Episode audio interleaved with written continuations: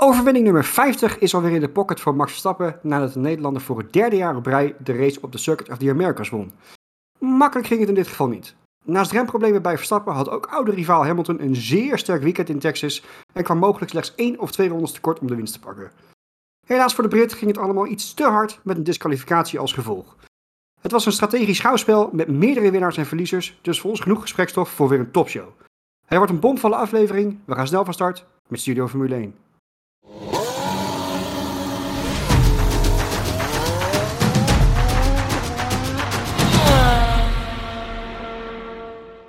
Howdy partners, goedenavond mannen en nieuwe lieve luisteraars en kijkers bij weer een nieuwe aflevering van Studio Formule 1. Ehm, ik ben Roy, ik ben jullie host en ik ga, uh, zoals uh, het inmiddels een beetje traditie is, mijn uh, um, vrienden en medecasters aan jullie voorstellen. Inmiddels een cijfer van 1 tot 10 voor de race in Texas. Ik begin even bij Marco, aangezien jij toch onze half Amerikaan bent. Um, wat, wat vond jij van, onze, van de wedstrijd op zondag? Half Amerikaan, halve Fransman. Ah, Daar gaan we straks allemaal. Ah ja, het kan allemaal. Uh, ik geef het een vijf en een half. Zo. Okay. Ik vond hem niet heel erg spannend. Maar ja. Gaan we het zo verder over hebben? Maar gaan we het zo over hebben? Ja, is goed. Thomas. Ja, ik geef de, ik geef de 7,5. Ik vond het wel leuk. Oké. Okay. Chris? 6,5. Nou, zit ik nou net tussen ik ga van mijn 7. Ik noemde natuurlijk al specifiek de race op de zondag, want ik denk wel dat het goed is om eventjes uh, uh, een soort van chronologisch door het weekend heen te gaan. En dan natuurlijk gewoon even beginnen bij de sprint. Um, een sprint die, denk ik, helaas niet al te spectaculair was. En waar ook best wat over te doen was. Um, natuurlijk sowieso vanwege het hele probleem, of het hele feit dat nou, er weinig spektakel op de baan was. Maar ook omdat er toch, hè, werd, er wel gezegd van, dit was wel een sprint die wellicht het een en ander voor de zondag al verpestte. Uh, hoe, hoe denken wij daarover, uh, mannen? Thomas, heb jij daar een idee over? Ja, dat, dat gaf, uh, gaf Max Verstappen ook wel aan natuurlijk. ja, op zich is dat sprintformat, hè, we hebben nu een tijdje een kans gegeven. Ik, ik moet zeggen, ik krijg er een beetje een leeg gevoel bij. ook, ook als het is afgelopen, rijders zijn ook niet super blij of wat dan ook. En deze in Austin, dat was denk ik wel de saaiste die we gehad hebben. En wat je ook een beetje krijgt richting zondag. Uh, dat je een beeld hebt, hè, een beetje van de race pace, wat je kunt verwachten. Uh, en dat, dat, dat vind ik dan ook wel, ook wel jammer. En ja, ik denk nog steeds van. Ja, het is voor, voor mij nog steeds net niet, eerlijk gezegd. Voeg te weinig toe. De, de, de sprintaflevering die wel leuk waren, waren vaak dat op zaterdag heel ander weer was. Als op zondag, zoals in België bijvoorbeeld, of uh, Oostenrijk. Kijk, dan is het leuk. Maar als je exact dezelfde omstandigheden op zaterdag en zondag hebt, ja, krijg je eigenlijk een beetje een kopie van wat je al gezien hebt. En dat ik is wel jammer ik vind het een beetje inherent aan het circuit uh, waar we op gereden hebben. En nou kan ik wel weer een hele tirade gaan houden over Kota. Ga ik niet gaan doen. we weer. Nee, nee. Spoiler alert, gaan we niet doen. Oh. En dat maakt eigenlijk ook een beetje dat ik de race ook een 5,5 vind. Er gebeurt, er, is, er gebeurt mij wat te weinig op het circuit. Op tactisch gebied is het links en rechts nog wel een beetje interessant. Maar op, op, op, op het racen, het, het circuit leent zich wat mij betreft gewoon net niet goed genoeg voor. Oké, maar of, dan ja, zeg ik daar wat geks. Maar... Ja, maar zoals bijvoorbeeld een Qatar is een ook niet een circuit waar met auto's heel lekker geraced kan worden. Maar die sprint was op zich vrij interessant. Helemaal ja, en, en dat, is, dat is eigenlijk een klein beetje de conclusie die ik trek naar een aantal sprints die we hebben gehad in de afgelopen jaren. De circuits waar je niet verwacht dat een sprint interessant is, of dat een race interessant gaat worden, is de sprint opeens wel interessant. Dat hebben we vaker gezien. Qatar is daar een heel mooi voorbeeld van. Maar ligt het dan gewoon niet aan de verwachtingen die je erbij hebt? Ik, ik denk een combinatie van een stukje uh, verwachtingen, Chris. Ik denk dat je daar gelijk in hebt. En ik denk dat er in een sprint toch op een andere manier gereest gaat worden op, uh, op circuits waar het toch allemaal wat lastiger is. Dat zeg je in Qatar heel duidelijk. Je gaat op een gegeven moment plekken inhalen waar je helemaal niet verwacht dat dat kan. En dat is toch juist mooi? Dat vind, ja, nee, maar daarom vind ik een sprintweekend helemaal niet zo erg. Maar op Kota vind ik dat het, het werkt niet. Het is een circuit dat zich beter leent voor een stukje tactiek dan voor het uh, wiel-om-wiel racen. En een stukje tactiek ga je niet hebben in een sprintrace, omdat die race te kort is. Je hebt geen pitstops. Je hebt niet dat er situaties ontstaan waarbij een, eh, een safety car de hele boel overhoop gaat gooien, omdat er dan mensen opeens naar een soft gaan bewijzen van. Dat gebeurt hier niet. En een, een Qatar, waar je dat misschien in een sprint niet, hoef, niet nodig hebt, maar de lange race opeens een heel ander soort race gaat krijgen, omdat daar andere dingen van toepassing zijn de race is hier op de zaterdag en het zondag hetzelfde geweest voor een groot gedeelte. Omdat het is niet het circuit ervoor. Nee, en het kwam ook door de banden. In Qatar zag je natuurlijk hè, de helft van, de, van het veld stond soft, de helft op medium. Nu was dat duidelijk. De medium was eigenlijk ook op de zondag, was gewoon de raceband. Dus wij, bijna iedereen de sprint zat op dezelfde band, behalve Sainz volgens mij. Er was eentje die wat anders deed. En dan krijg je natuurlijk ook wel, ja, dan wordt het een beetje zo'n treintje rijden als iedereen zijn positie heeft gepakt. Maar je krijgt überhaupt bij die sprint een beetje zo'n leeg gevoel of zo. Als het dan afgelopen is, coureurs die gaan niet helemaal uit hun dak. Als je Max ook zag van, nou weet je, oké, die vinken we af en uh, tot morgen maar weer. Ja, zo'n zo gevoel. Ook, ja, je, je mist ergens een soort beleving, ik weet het niet. Voor mij doet het het nog niet echt. Als ik ja. Het is heel ik, anders. Uh, we hebben het natuurlijk ook al, al, vaker gehad, ook dit seizoen. als je het vergelijkt met, het, met de MotoGP maakt, hè, de pinnacle of motorsport op twee wielen. Um, en daar hebben ze natuurlijk ook elk weekend een sprint. Maar dat is, dat is heel anders opgezet. Dat, dat voegt ook meer toe aan het weekend. Het is, uh, ook daar heb je echt wel wat bandensparen en dergelijke. Maar het is anders. En, maar aan de andere kant heb ik wel het, het idee van... Ik vind niet omdat we nu één echte ja, slechte sprint hebben gehad, met alle respect dat we ze allemaal over één kam moeten gaan scheren. He, wat nee, zeker niet. Van, he, Kota leent zich misschien niet heel goed voor. He, we hebben natuurlijk over uh, twee, drie weken hebben we hem op, uh, in Brazilië op Interlagos hebben we natuurlijk weer hetzelfde. Uh, ook weer een sprint die vaak daar wel spectaculair lijkt te zijn. Absoluut, gaat, gaat het nu ook worden. Ja. Dikke kans, hè? helemaal afhankelijk van wat het weer doet. Hè, dus weet je, gegokt, gegokt en verloren kan je misschien zeggen voor de FOM. Ik heb alleen wel zoiets, hè, um, ik weet niet hoe jullie er nou over denken. Um, hè, de Formule 1 moet daarin bijvoorbeeld niet de MotoGP achterna willen gaan. Dat ze elk weekend een sprint willen gaan doen. Of hè, echt uh, 50% van de wedstrijden een sprint een weekend van gaan maken. Want maar, dan ga je het forceren, of niet? Ik vraag me er vooral af, zeg maar, want we doen deze sprint nu, wat is het, twee jaar? Derde jaar is het voor mij, dacht ik toch? Derde jaar waar gaan we naartoe? Gaan we dit zeg maar gewoon willekeurig een keer een weekendje uh, gaan we de zaterdag sprinten omdat het kan? Ze gaan gewoon met, bij, bij de FOM gaan ze met een dartbeltje staan bij de wereldkaart en dan gaan ze gewoon gooien van, daar gaan we de volgende keer mee. Ja, maar zeg maar, wat, wat is dan het, het nut van deze toevoeging? Ga je dit uiteindelijk dus, zoals bij MotoGP, overal uh, introduceren? Of ga je het weer weghalen? Zeg maar, wat, wat, wat gaan we hiermee doen? Het is nu een soort van experiment wat ja, als een soort van appendix nog, zeg maar, een ja. soort van hier tussen zit. Ja. En het is vooral, vooral bedoeld ook voor de promotors. En uh, de circuitbaas van Kota, die zei dat dat eigenlijk niet echt uh, ja, meeviel. Want hij zei van vergeleken met het jaar daarvoor, toen we geen sprint hadden, kwam er dezelfde aantal mensen op zaterdag. Dus ja. dat heeft dan ook niet helemaal gewerkt. Maar ik bekijk het ook over het hele plaatje. Ik vind nog steeds van in de Formule 1, ja, voor mij ook de race op zondag gaf ik, gaf ik dan een 7,5. Omdat met pitstops en alles, dan wordt het pas leuk voor mij vaak in de Formule 1. Ja, dan is die sprint, dan stopt het als het ware. Als je toe bent aan de pitstops, dan is het klaar. En dan, ja. Ja, ja eens. Maar goed, iedereen, iedereen kijkt er anders naar. Ik, ik, ach, weet je, extra Formule 1 is nooit verkeerd. Maar ik ben er nog niet, uh, niet kapot van na al die... Misschien een heel gek idee. Maar wat als er een aparte sprintband komt of iets in die richting? Of een aparte twee compounds voor, voor de sprint? Het zal allemaal wel te veel geld kosten, maar... Ja.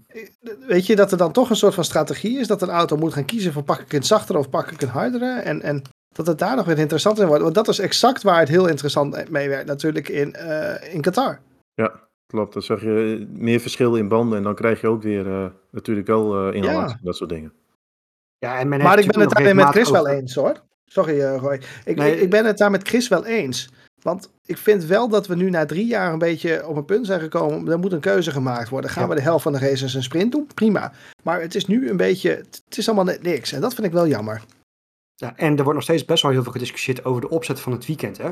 Ik moet dan wel zeggen, eh, mijn mening is in ieder geval van dat deze opzet echt 10 miljoen keer beter is dan wat ze in 2021 hadden. Absoluut. Uh, hè, daar had je, op een gegeven moment had je een, een uh, FP2 eigenlijk op zondag of zaterdagochtend die helemaal nergens op sloeg. Weet je, dus, dus hè, want dat was ook echt een sprint qualifying. Nou, dat is op zich wel, wel aangepakt. Ja, maar moet ze, uh, ergens zou je kunnen zeggen van hè, voor het spektakel zou je misschien naar een Formule 2 opzet moeten. Hè, dat, dat, dat je gewoon een kwalificatie hebt, dat daar de top 10 van wordt omgedraaid volgens mij. Maar ja, dat is dan weer niet des Formule 1 in zekere zin. Maar ja, dan kan je zeggen, tradities zijn er misschien om gebroken te worden. En ja, ja. Weet je, ja, ja ik ben daar wel een voorstander van. Dan gaat, dan gaat er echt wat gebeuren. Want dan gaat het en om de knikkers. En, en de sterkste auto moet opeens gaan vechten. Ah, dat is leuk. Ik denk, ik denk helemaal oprecht dat het helemaal niet zo'n verkeerd idee is om dat bijvoorbeeld volgend jaar te proberen. In ieder geval voor één of twee sprintweekenden, ik noem maar wat. Uh, misschien is dat heel lastig te implementeren, maar ik denk helemaal dat het niet heel gek idee is om te kijken wat het doet met het spektakel. En, nou. Ik heb een goed idee, jongens. Oh jee. Ik loop, nee, nee, maar zonder grappen. Ik loop al meer dan een jaar ongeveer te verkondigen dat we eigenlijk in het kwalificatiesysteem, waar niemand wat mis mee vindt, behalve ik ongeveer, naar een one-shot uh, kwalificatie moeten gaan. Ga dat eens samen doen dan. Dan ga je twee dingen proberen, kijken wat werkt. Dan doen we probeersel seizoen 4 of zo, geen idee. Maar dan doe je die sprint qualifier doe je gewoon een one-shot. Want dat zagen we van het weekend ook wel. Dat was ook gewoon letterlijk een one-shot. Want iemand had meer tijd voor de tweede run. Oeh. En dan draai je de grid om. Dus dan heeft de, de snelste auto van de eerste qualifier, die mag als eerst. Want dan heeft de auto achterin, eh, in dit geval Sargent in bijna alle gevallen, de laatste run op de beste, met de beste rubber, de beste circuit. Nou, en dan eens even kijken hoe die grid eruit komt te zien. De laatste dan eens gaan racen. Ja, kijk, ik denk dat zoiets, dat zoiets nog wel eh, kans van slagen heeft. Dat hebben ze in het verleden, volgens mij 2003, hebben ze dat ook wel zoiets gedaan. Ja.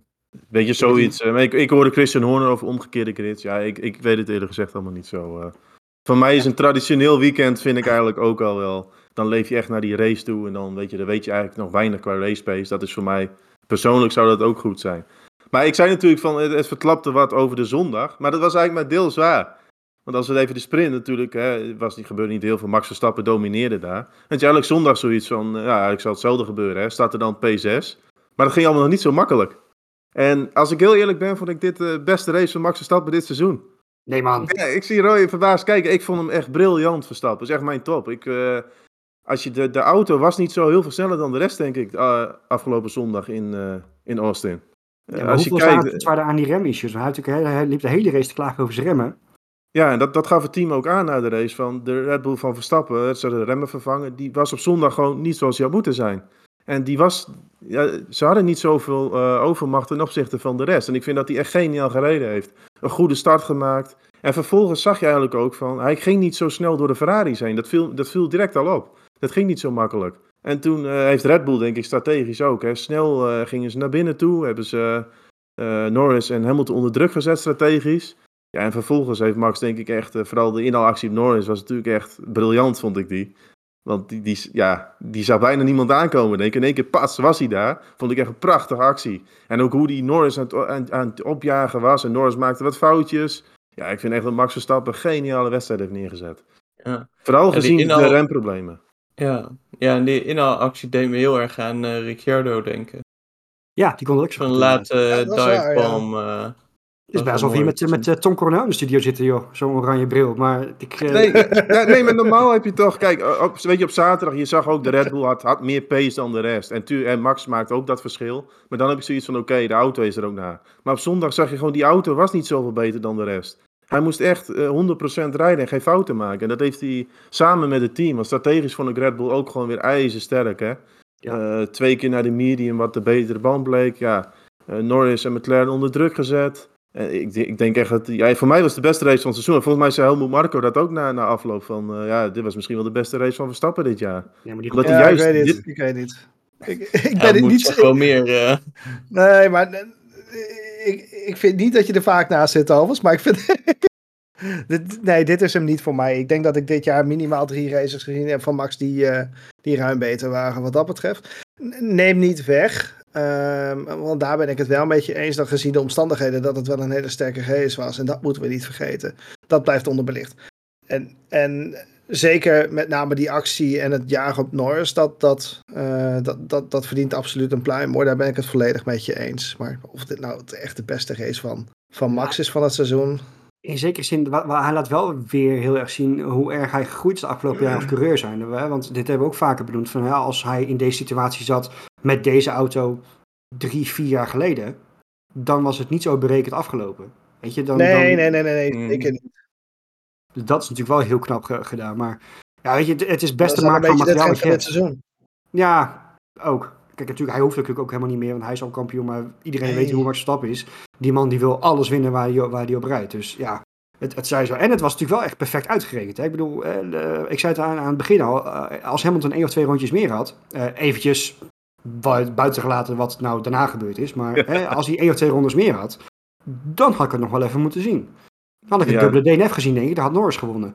Ja, nou nu denk ik wel dat Max misschien ook wel een beetje zat te calculeren. Hè? Maar die kon natuurlijk de ronde aftellen en die wist wat voor delta die misschien moest aanhouden. Maar dat bedoel ik ook te zeggen, van de verschillen waren niet zo groot met, met eh, Norris en met Hamilton. En dan heeft Verstappen gewoon een perfecte wedstrijd. En die remproblemen, dat is echt niet makkelijk. Dat, dat gaf Horner ook aan. Van, hij was constant aan het zoeken met de rembalans naar achter. En, ja, bij het remmen, je bent heel onvoorspelbaar. Dan weet je niet wat er gebeurt. Dus ik vind het echt ontzettend knap. Ja, en, En, Kota is überhaupt mega zwaar op de remmen. Hè? Op, op, je hebt heel veel sterke rempunten daar. Zo. Dus, Ja, en, eh, Oh, het team gaf het ook aan, want hij natuurlijk met GP wat oneenigheid. Die was aan het praten tijdens het remmen en hij had het al zo moeilijk tijdens het remmen. Dus dat was ook wel leuk. Maar ook als je de wedstrijd van Perez bijvoorbeeld ook, het gaf ook wel aan. De Red Bull was echt niet zo oppermachtig. Perez, eh, zeggen we ook wel eens op zondag sterk, nou, die, kwam eigenlijk geen, die schoot geen meter op. Die bleef gewoon op zijn positie rijden. En heeft natuurlijk ook in onze preview wel gezegd, hobbels is natuurlijk een zwakte van de Red Bull. Ja, en dat bleek toch wel hier in, eh, in Kota, dat die hobbels, dat, daar is ook wel wat, wat moeite mee. Hè, dan moest de rijhoogte wat omhoog, dat vindt de Red Bull niet, niet heel leuk. En ja, in zo'n sprintweekend heb je ook niet heel veel tijd om dat te optimaliseren. Maar nee, ik vond, ik vond Verstappen echt, eh, voor mij echt dikke 10 Ja. op de, op de Maar ik vind het dan ook wel interessant, dan juist om wat je zojuist eh, zei over die discussie zeg maar, met, zijn, eh, met zijn engineer tijdens de race. Dat zeg maar in voorgaande races, als je dan Max hoort, dan klinkt hij redelijk kalm over de radio, onder controle en alles heel erg in zijn flow. En je merkte bij deze race wel heel erg dat hij een soort van aan zijn mentale capaciteit zat dat je hem niet zeg maar nog een keer strategisch hoort over eh, acties van andere personen die heel erg anders zitten. Dat die hele strategieën voor andere eh, rijders aan het bedenken is of zo. En dat maakt het dan wel weer interessant om een Hij keer moest serieus aan de bak. te zien. Ja, echt aan de bak nu, ja, dat zeker. En Ja, en dit dat- is wel weer een teken van hoe zo'n kampioen het dan is. Hè? Want we hebben het natuurlijk vaak over gehad van elke groot kampioen is een klootzak. Ja, Verstappen is ook een klootzak als het niet loopt. Weet je, die man die wil maar één ding, die wil winnen. En als hij merkt dat het op een of andere manier waarschijnlijk niet gaat lukken, ja, dan is hij niet zo vrolijk meer. Ja, daar kan je, daar kan je heel veel van vinden. En daar vinden iedereen wel wat van. Want het is misschien een beetje respectloos af en toe hoe die dan tekeer gaat tegen Giampiero. Maar het is wel met in zekere zin de beste bedoelingen. Dus ja, Ja, en, en, en wat Chris zegt, dat klopt. Daarna kon je merken dat hij er echt voor moest werken. Want normaal, en dan kun je wel merken, als jouw remmen niet doen wat je wil, dan zit je vol, ja, hij was gewoon gefrustreerd. Die auto deed gewoon niet wat hij wilde. Ja, en als GP Ja. dan gaat, gaat er lopen praten tijdens het remmen, dan word je niet heel vrolijk van. Maar die, die inhaalactie op Norris, we komen straks nog even op Norris te spreken, maar het was ook wel echt een mooie inhaalactie. Ja. Eh, dus weet je, ja, racecrawl bij Verstappen, ik, ik vond het een super race. Maar dan wil ik een ander team, wil ik eh, in dit gevecht eigenlijk een beetje afbranden van Mercedes. Ik vind dat ze echt compleet gefaald hebben. Aan alle kanten. De, de auto was eigenlijk voor dit weekend goed. Oké, we komen zo even over die disqualificatie dan te spreken. Maar strategisch vond ik het gewoon dramatisch. Echt slecht. De eerste ja pitstop dan- wacht even. Voordat je, je, gaat, je hebt het nu echt puur over de race zonder disqualificatie aan zich. Dat is, Zonder eh, disqualificatie. die, ja. die, die, daar gaan we zo nog even over hebben. Maar nu puur even hoe ze de race opgepakt hebben. Natuurlijk die eerste stint. Hamilton ligt volgens mij vier seconden voor Verstappen. Verstappen gaat naar binnen. Nou, dan verwacht je van, als Mercedes zijn, die je countert dat. Want je wil die track position houden. En je zag de eerste stint al. Ver- Verstappen liep er niet zo maar naartoe bij, eh, bij Hamilton. Hamilton had, ja, misschien dat hij een tiende langzamer was. Maar het was niet heel veel. En eh, dat, dat is één, de strategie van Mercedes. Maar ook de pitstops aan zich, die zijn gewoon structureel veel te langzaam. Die zijn eh 3,5 seconden. Kijk, bij, bij Red Bull gebeurt het een keer omdat fout gaat. Bij Mercedes, eh, die staan nooit in de lijstjes bovenaan bij pitstops. En dat is al, al twee seizoenen zo. En ook qua strategie, ook bij Russell, doen ze gewoon hetzelfde. Ze doen met twee ouders hetzelfde. En ze hebben strategisch echt... Ik vind ik dat ze het alle kanten hebben laten liggen.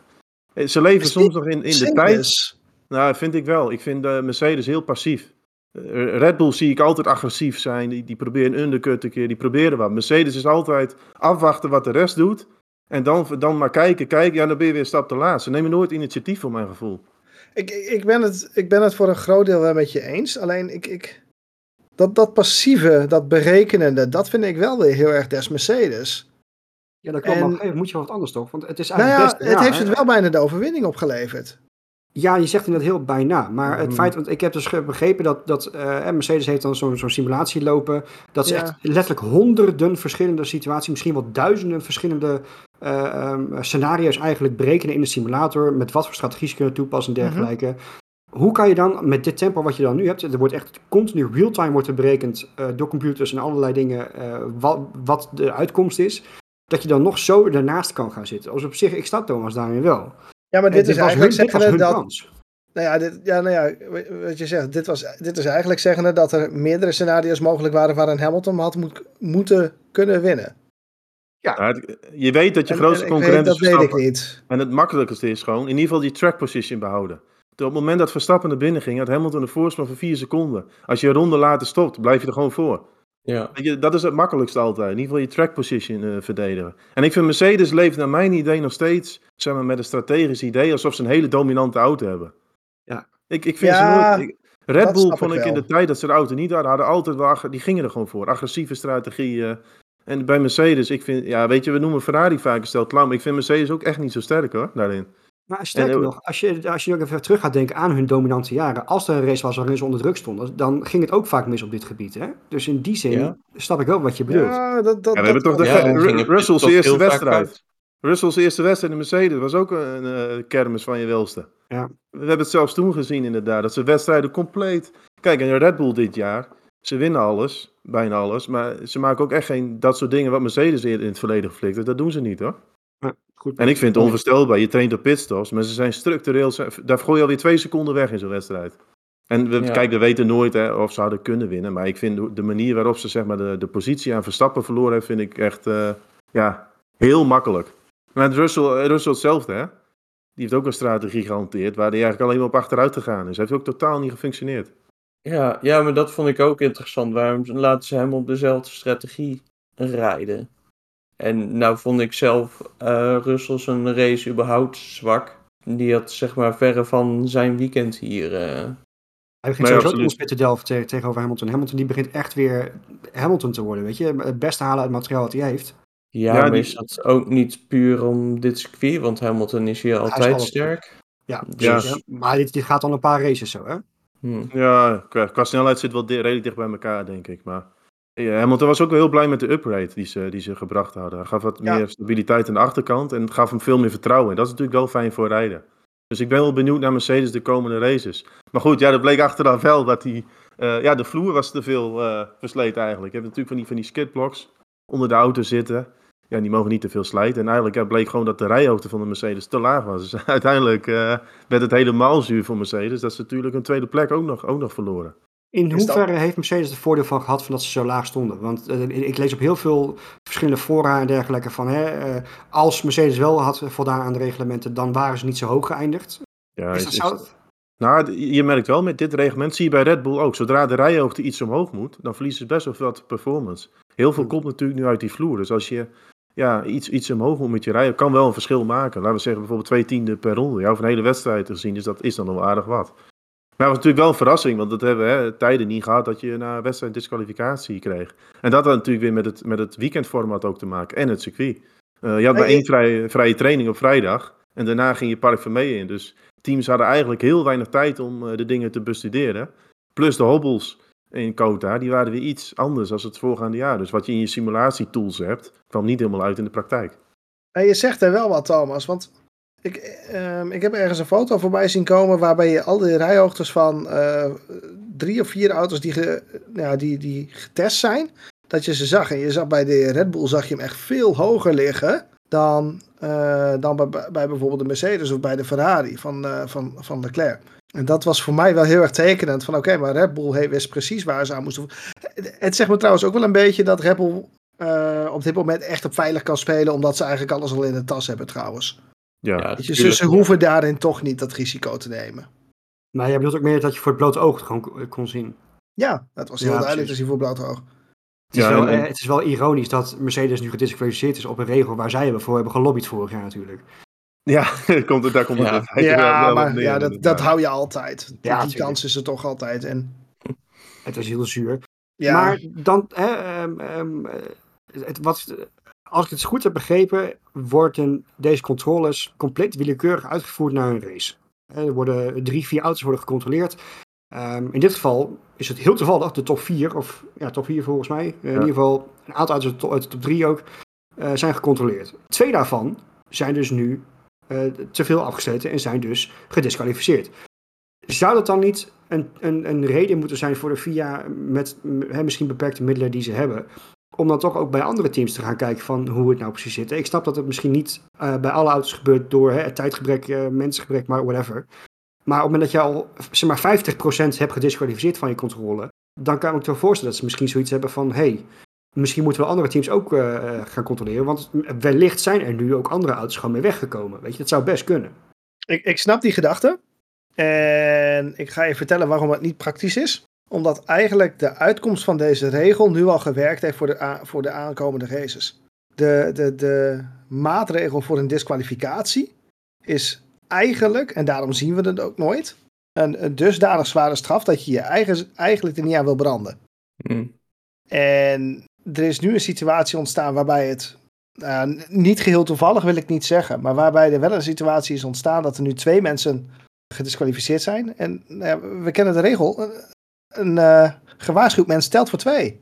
Ja, oké. Maar goed, deze Ja. controle wordt wel elke race uitgevoerd. Dus Ja. eh, Ja, en, en de FIA heeft een bepaalde eh, eh, purposing matrix. En dan kunnen ze zien hè, of er echt uitschieters zijn qua stuiteren. Kijk, en, en die gaan ze natuurlijk eruit halen. Dat hebben ze nu ook al aangegeven. Van, er waren uitschieters en die hebben we gepakt. Ja, je kunt natuurlijk niet met zekerheid zeggen dat de andere, er zijn vier auto's inderdaad gecontroleerd, dat de andere 16 allemaal goed waren. Maar ze pakken wel de uitzonderingen eruit. En ik denk ook dit hele weekend was gewoon een bepaalde mix waardoor dit eh, tot stand kwam.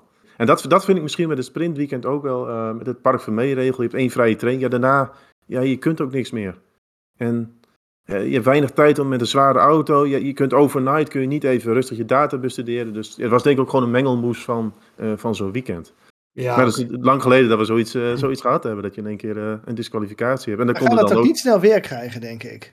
Nee, want dit was, Mm. dit was de combinatie van het asfalt wat gewoon toch wel weer anders was. Ja, weet je, op een biljartlaken ga je dit niet zomaar hebben. Want dan heb je dat niet, eh, niet zo. Nee, zeker niet. Nee, klopt. klopt. Wat ik wel, ik zag een mooie, mooie, mooie poster voorbij komen op X eh, over Leclerc's race dan. Leclerc is natuurlijk ook gedisqualificeerd.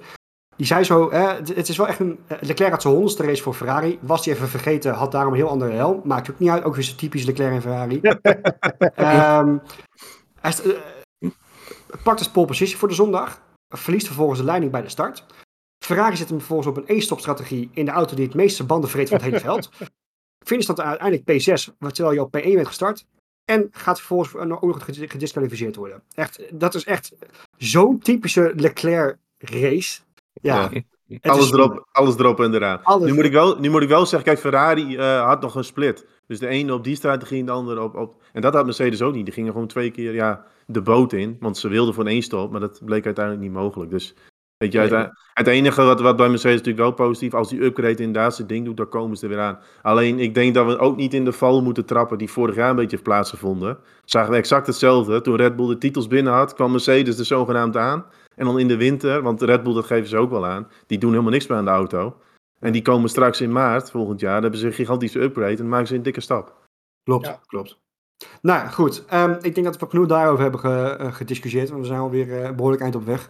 Eh, en we hebben ook nog een, een Grand Prix in Mexico te, te bespreken zometeen. Dus we gaan even een stapje maken. Ik denk dat we eventjes naar Marco gaan dan.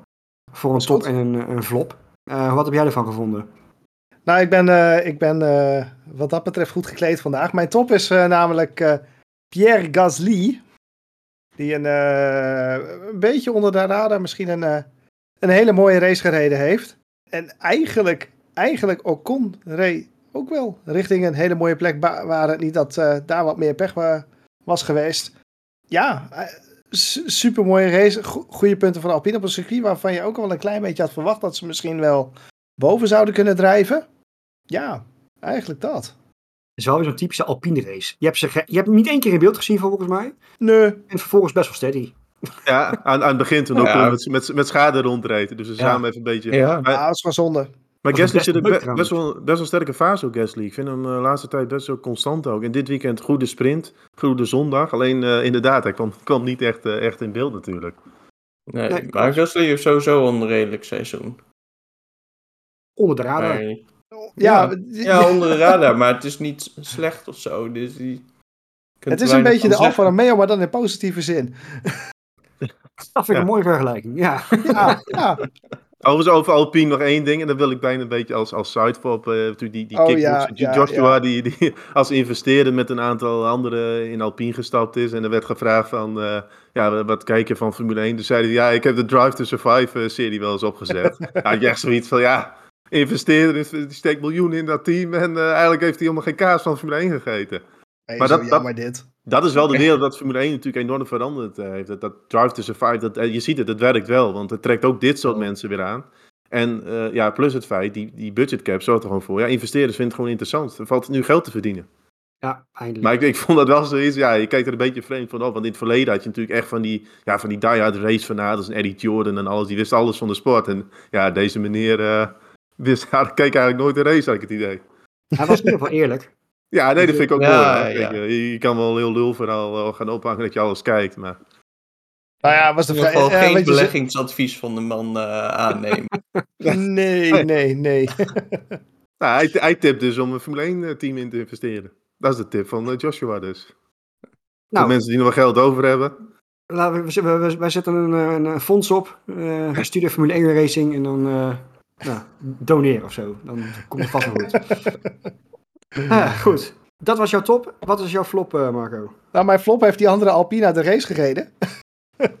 Piastri had, had, had werkelijk een waardeloos weekend. Ik denk dat dit zijn minste weekend van, het, eh, van zijn hele carrière tot nu toe was. Het, het was echt niet best. Ik vond hem qua tempo ook behoorlijk achter Norris liggen. Vooral op de long run. En, en Piastri is er ook nog niet hoor. Wat dat betreft eh, als het gaat om een stukje bandenmanagement en een stukje ervaring. Dus dat is op zich helemaal niet erg. Maar, en, en, en in je rookie season mag je echt wel een keer een kutweekend hebben. Maar dit, is, eh, ja, dit was verder weg eh, super.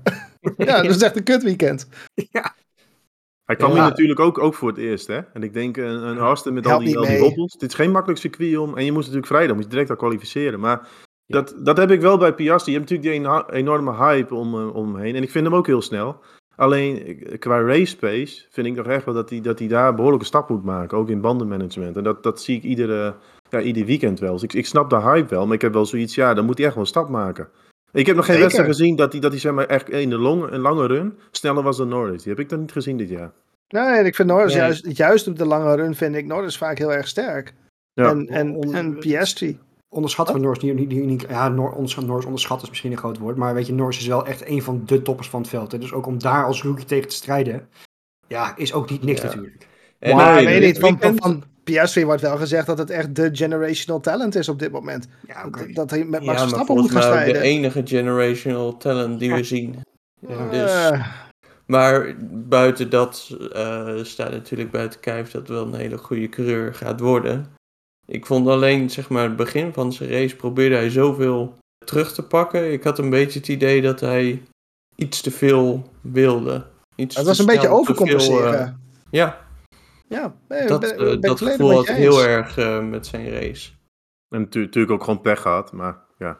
En dan, dan Ja. zeggen ze, ja, ja, categorie Verstappen. Maar dan, dan zeg ik je wel, van, toen Verstappen voor het eerst in die Red Bull stapte, dan zeg ik bandenmanagement. De eerste race in Catalunya, dat was een staaltje bandenmanagement.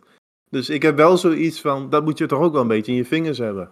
Dit is voor Ja, mij maar Max had, toen ook nog wel wat te groeien. Zeker, al, eh, zeker in zijn composure. Ja, nee, dat, tuurlijk, dat wel. Maar een stukje bandensmanagement vind ik ook een ja, talent. Aanvoelen wat je met, met die, wat je met die banden kunt doen. Dus ja, Ja, dat vind zo. ik nog wel iets van... eh, laat, ik ben heel benieuwd naar volgend seizoen of daar echt een stijgende lijn in zit. Daar heeft hij nog veel te winnen, Piastri, denk ik. Ja, snap ik wel. Nou, duidelijk. Weet je, kijk, hij zal eh, echt niet bij ons in de eindejaarsaflevering als flop genoemd worden, ga ik toch vanuit.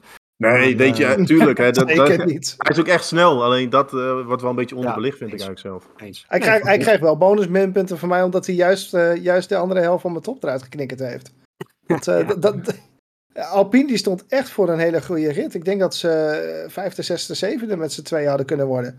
En dat, Ja, is- met die, met die disqualificaties. dat, Ja. dat bedoel ik. En Ja. dat, dat zijn hele belangrijke punten voor Alpine op dit moment. Ja, zeker. Eens. Ik moet wel Ja. zeggen trouwens, eh, dat valt me dit jaar heel erg op. Of eigenlijk sinds we die, eh, die auto's met dat, dat grondeffect hebben. Soms is er maar een klein beetje schade en de pace is totaal weg. Terwijl in het verleden zag je nog wel eens zag je een stuk bodywork en dan, dan reden ze nog steeds snelste deze ronde. Je ziet wel met dat, dat grondeffect, auto's zijn ultra gevoelig geworden.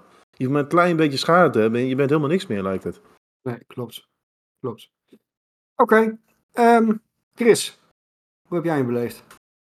Ja, nou, ik wil als eh, top het Piastri's teamgenoot noemen, Norris. Eh, die volgens mij gewoon een hele goede race heeft gereden. Pakte mooi de, in bocht 1 volgens mij al de eerste plek over van Charles. En ja, wist daarmee daarna wel mooi vooruit te rijden. Ja, ook ja, misschien dat hij in het gevecht met Verstappen kaas een klein beetje van zijn brood heeft laten eten. Maar het gevecht met Hamilton was wel een mooi stukje eh, wheel-to-wheel eh, racen. En ja, ik, ik denk heel weinig op zijn race aan te merken is. Misschien een klein beetje bandenmanagement na de, nadat Verstappen voorbij is gegaan. Ik denk dat hij toen iets te veel probeerde erbij te blijven hangen. Ja, snap ik. Maar desalniettemin gewoon weer een solide race eh, voor zijn honderdste Grand Prix. Eh, maar ja, aan de andere kant snap ik ook wel van hem dat hij ja, toch wil pushen om van die honderdste zijn eerste overwinning te maken. Dus in Ja. die zin kan ik hem dat ook weer niet kwalijk nemen. Ah, Ik- n- nog eventjes, en hij is recordhouder hè, van meeste podiums zonder overwinning. Daar staat nu nog op naam van Nick Heidfeld, volgens mij 14 stuks dacht ik. En Hmm. nog twee en dan zit Norris er ook op. Dus Oh oh. ja. Ah, dat eh, geen het verschil is wel dat Norris, eh, Norris er nog een eh, driekwart eh, carrière nog aan toe kan voegen. En Nick Heidveld heeft daar wat langer over gedaan natuurlijk. Ja, oké.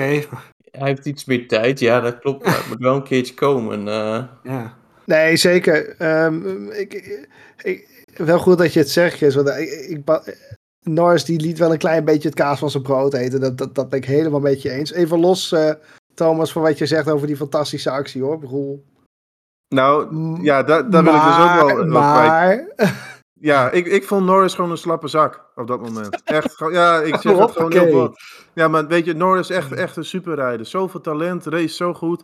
Maar op dat moment, eh, tuurlijk, ik vond, wat ik al eerder zei, de move van Verstappen was heel mooi.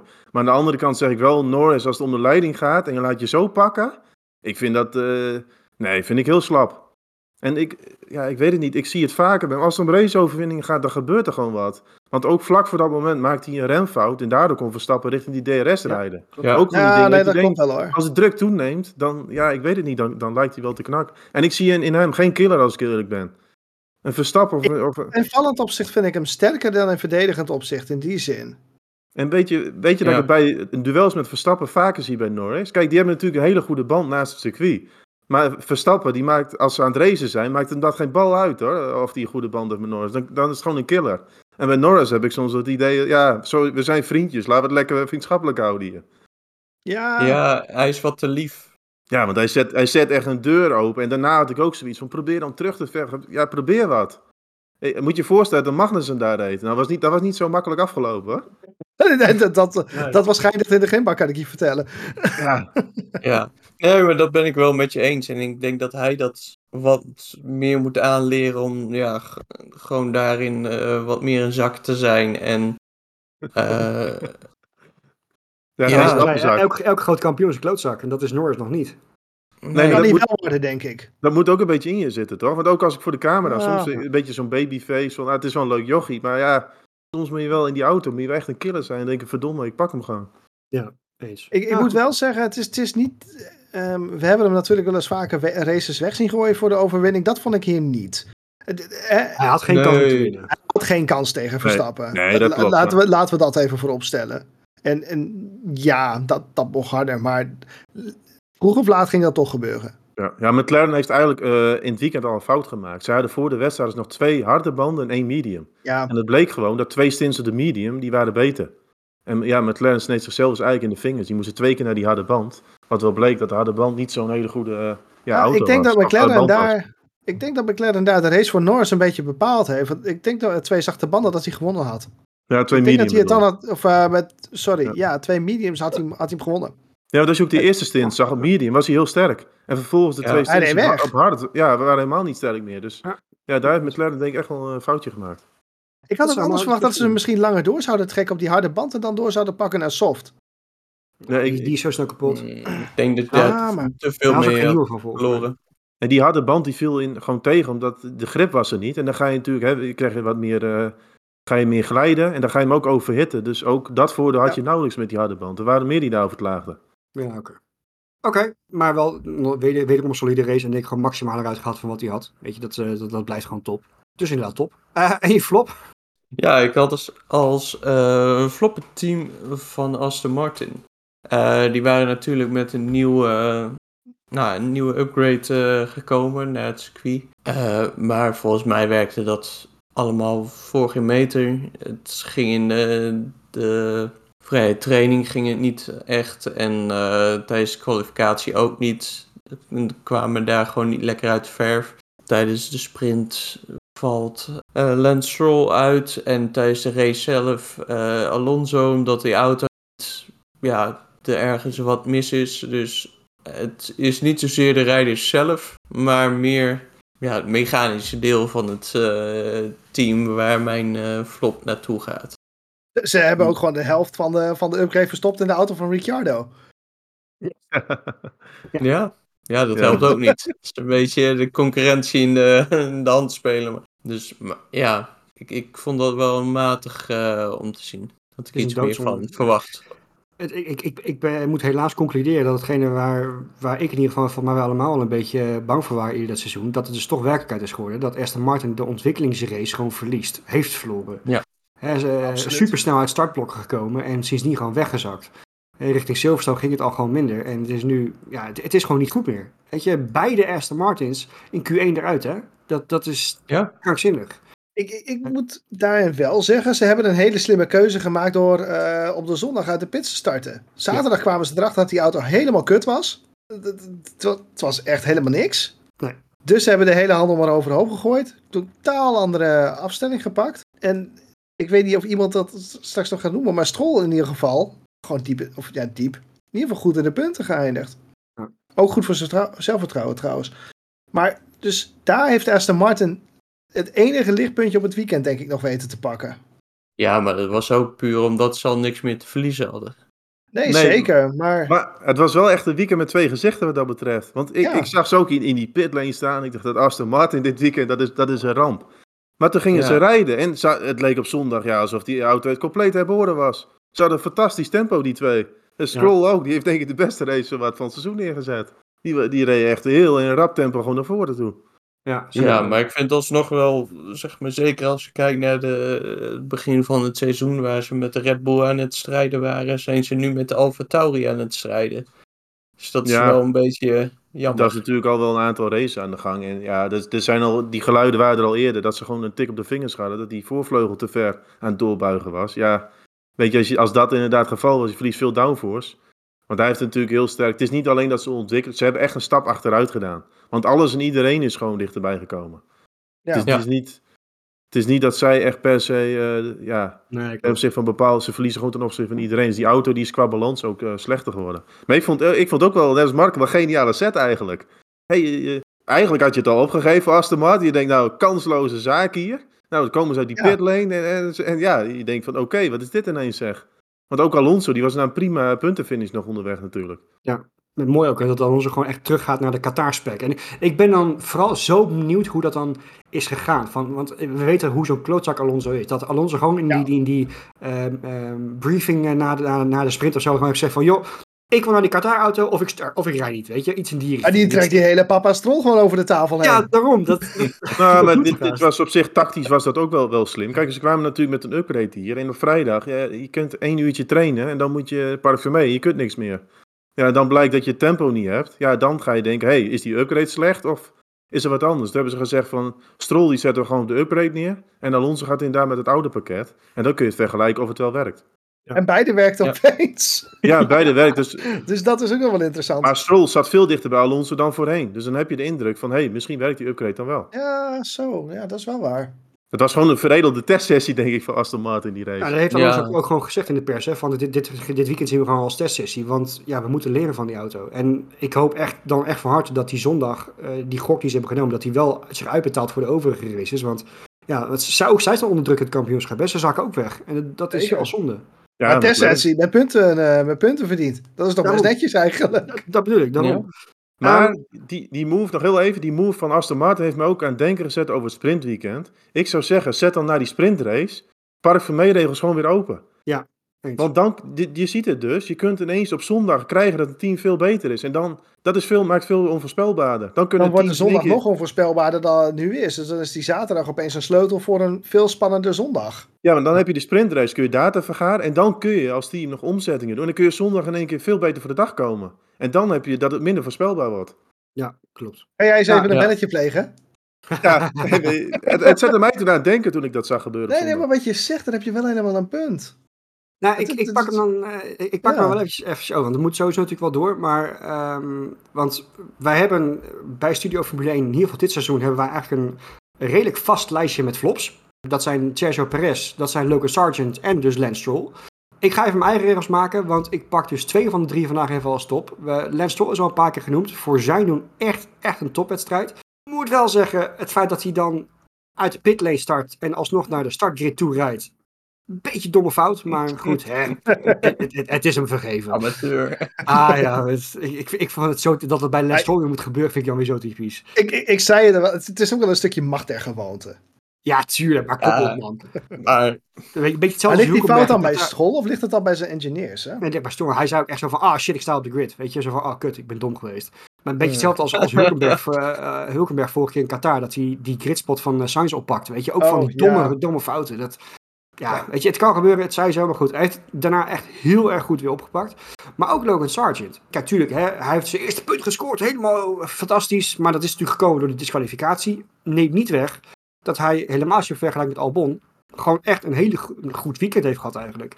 Hè, het thuisvoordeel, het zal allemaal wel. Hij heeft natuurlijk vorig jaar hier wel FP1 gehad met, eh, met de Williams. Maar eh, waar het verschil met Albon normaal gesproken echt gigantisch is in het weekend, het hele weekend door, viel het dit weekend wel mee. En dat mag wel even benoemd worden, vind ik. Eh, of het Zeker. eh, zijn zitje redt, ja, waarschijnlijk trouwens wel, want ze hebben geen alternatief. Maar eh, weet je, hij zal steeds wel eens voor gaan komen in ons floprijtje, denk ik. Maar, in dit Maar niet geval, vandaag. Maar niet vandaag, nee, daarom. daarom. En, en hij reed geen schade het hele weekend, zover ik Nou, hey, goed man. Ja, maar dat doet hij toch ieder weekend? Dan rijdt hij weer Ja. eh, van alles kapot. Maar ja, dat was, was toch gek? Zowel Sargent als Stroll, die reden in één keer gewoon een hele prima wedstrijd. En vooral Stroll natuurlijk, want die zat helemaal... eh, ja, die, die, die, die, gaf, die had je al opgegeven. Die Maar dit Qatar is was heel niet... goed voor zijn zelfvertrouwen hoor. Ik denk dat deze race, eh, dat deze race eh, Stroll echt nog wel een beetje gaat helpen in de aankomende races. Dat hij ook zoiets heeft van oké, nou, nou ben ik eindelijk van, van die gifbeker en alles af. Nou, nou kan ik weer een beetje gaan rijden.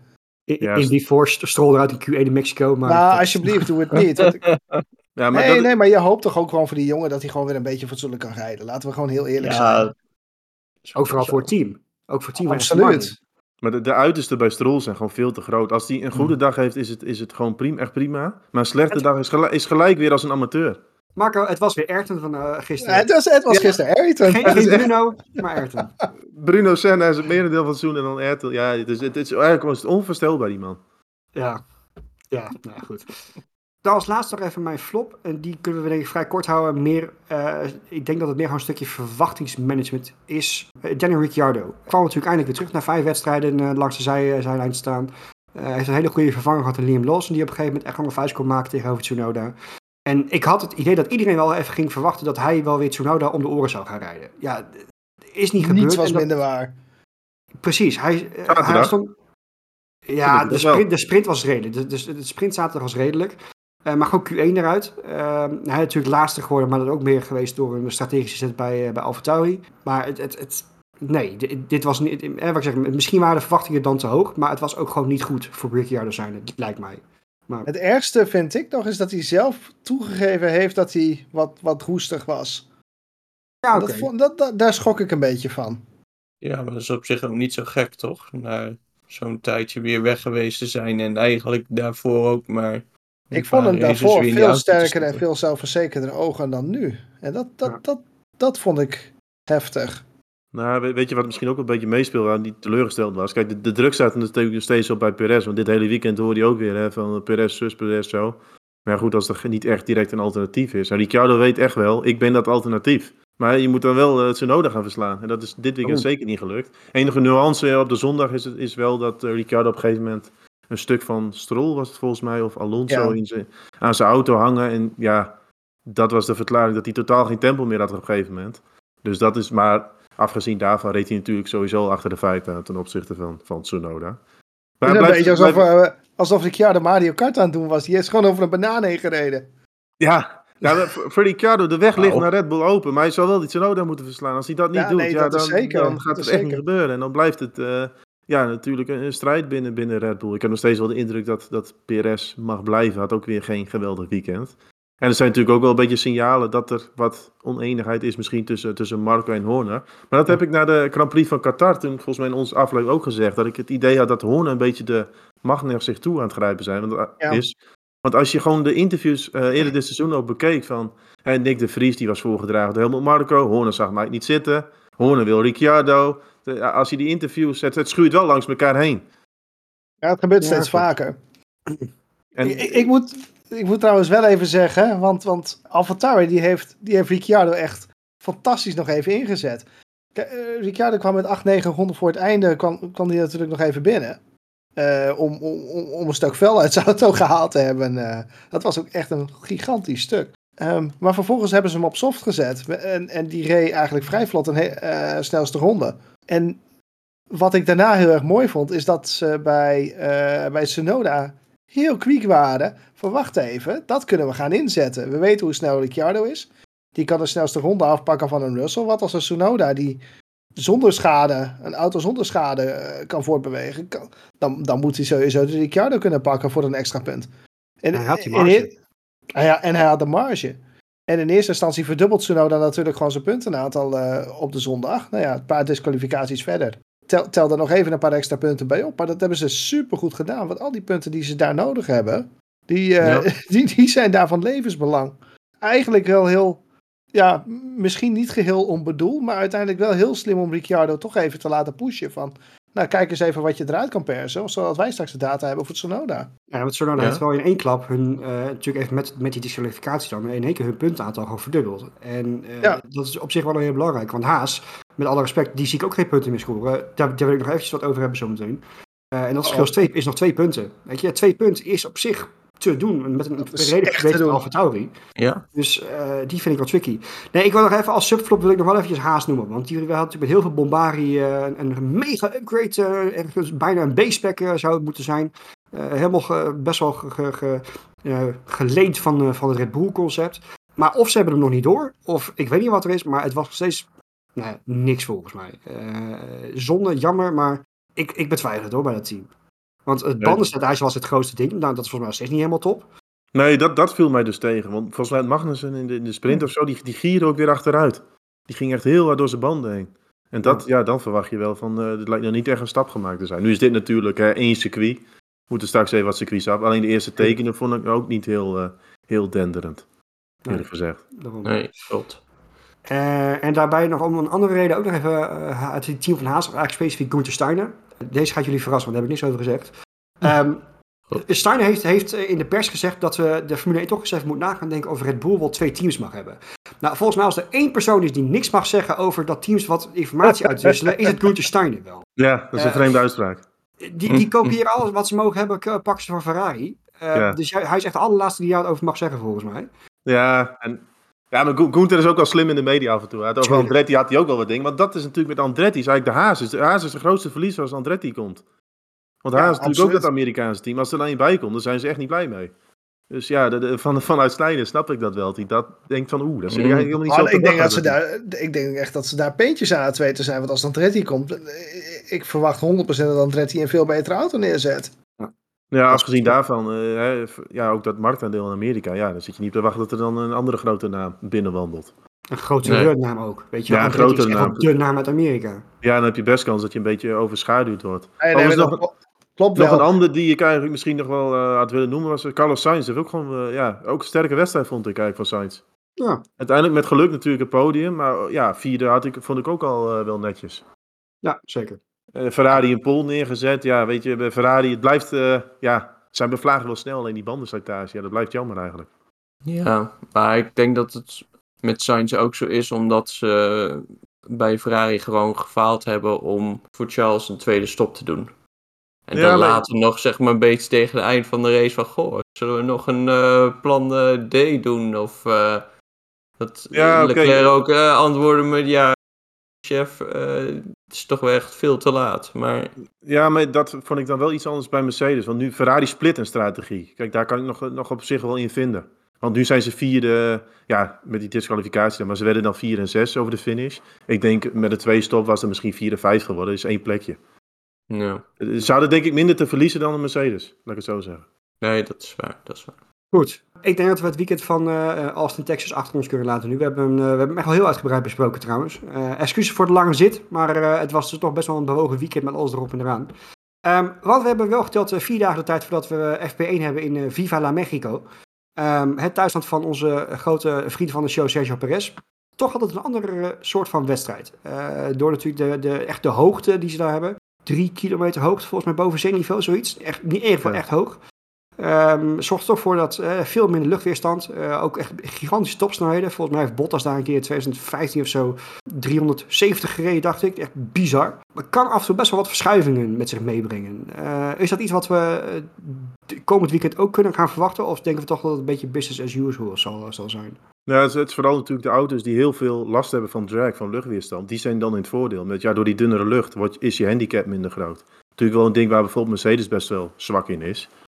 Dus ja, misschien dat, dat zo'n team iets dichterbij komt. Ja, allicht, maar zeg maar, het team wat al weinig drag heeft, heeft dan nog minder drag. Dus je verschuift, Ja, zeg maar. Je voordeel is je minder voordeel groot. wordt kleiner. Ja, Ja, oké, maar je verschuift Red zeg Bull maar de schaal een beetje. En Red Bull die heeft, die heeft natuurlijk een enorm voordeel als, als je gewoon veel weerstand hebt. Dat die auto is heel efficiënt. Dus dan is, is nu het eh, nivelleert een beetje dat verschil. Maar goed, weet je, normaal gesproken Red Bull wel weer, wel weer de favoriet. Want ja, Austin was misschien niet eens zo oppermachtig. Maar dat had ook natuurlijk met de hobbels te maken. In Mexico staat nog niet bekend om eh, hele grote hobbels. Plus Verstappen is daar altijd ijs, ijzersterk. Het is vaak Mexico daar. Dus Jezus, gaan we weer. ja, Ja, en ik ben benieuwd hoe de fans zich daar eh, gaan gedragen. Want in Austin vond ik dat toch wel een beetje, eh, ja... Kijk, we Ja. weten hoe die Mexicanen zijn. Die zijn gewoon iets, iets fanatieker, hè, fanatiek volk. Maar ja, er was wat boergeroep. Eh, Wat boelgeroep, man. ja, ja, maar dat was had het misschien ook met die gouverneur te maken, begreep ik. Ja. Eh, maar Ja, je, hoorde, ik, ja. je hoorde ook allemaal Checo Checo roepen toen Max eh, op het podium stond. Dus daar had ik ook zoiets van, er waren wel wat, eh, wat gekke Mexicanen. Ja, laat staan die Grand Prix in Mexico. Dus ja, dat wordt natuurlijk wel, wel interessant. En ja, Toch wel een beetje het idee dat die Mexicanen zich een beetje in een zak gebeten voelen hoor. Zo, door, eh, Ik snap Ja, het. nee, weet. Ja, nee, maar het, het- die, die verhalen die gaan al weken ra- lang rond. En dat, dat alles om Max heen gebouwd is. En dat Perez onrecht aangedaan wordt. Hou toch eens een keer op, man. Ik vind dat, Oh, ja, ik vind een dat, keer ik harder vind dat zo een beetje jammer. Ja, nee, ja, dat. Zoals Verstappen zelf ook gewoon zegt, gewoon gas geven. Dan eh, komen we er wel. Maar in Ja, ieder land is dat natuurlijk wel een beetje die propaganda voor. In Engeland zijn ze natuurlijk altijd heel mild voor de, voor de Britse rijders en de Britse teams. Maar ik denk in Mexico dat dat nog wel even factor 3 is.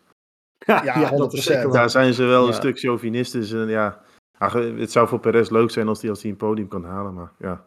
Ja, Ik, ik vind overigens, wat Roy zegt, dat maakt het circuit interessant. Hè? Dat je dus op hoogte, dat auto's toch wat anders reageren. Ook de motoren hebben daar wat lastig. Die kunnen niet echt, ja, die, die zuurstof is er niet. Eh, voor de rest vind ik de, de layout vind ik eigenlijk helemaal niks. Nee, ik ook niet. Nee. Nee. Dat is een beetje straightforward, maar... Ja, het is niet... Nou, eh, het heeft dat- niks echt interessants. Het, het, het, dat Ja, sta- het stadion, is, nou, ook dat is leuk om te zien. Maar Dat is een knikje en dan reizen we weer weg. ja, Nee, Ja, dat tuurlijk, is het. tuurlijk. Ja. dan ga ik nog eventjes eh, naar onze vriend Meteo Marco. Gaan we nog iets bijzonders eh, zien? Of wordt het gewoon eh, droog, warm, zonnig? Warm, sombrero op, gas geven. Jezus. Niks bijzonders dus? Oké. nou. Nee, nee, nee. Niks bijzonders aan de horizon. Oké. Nou, dan eh, gaan we toch weer schaamteloos top 3 doen. Geen sprint natuurlijk deze keer. Ehm, ik trap hem eventjes af. En waarom? Want ik zeg dat Max Verstappen gaat winnen. Maar ik zeg er specifiek bij met overmacht. En waarom zeg ik dat?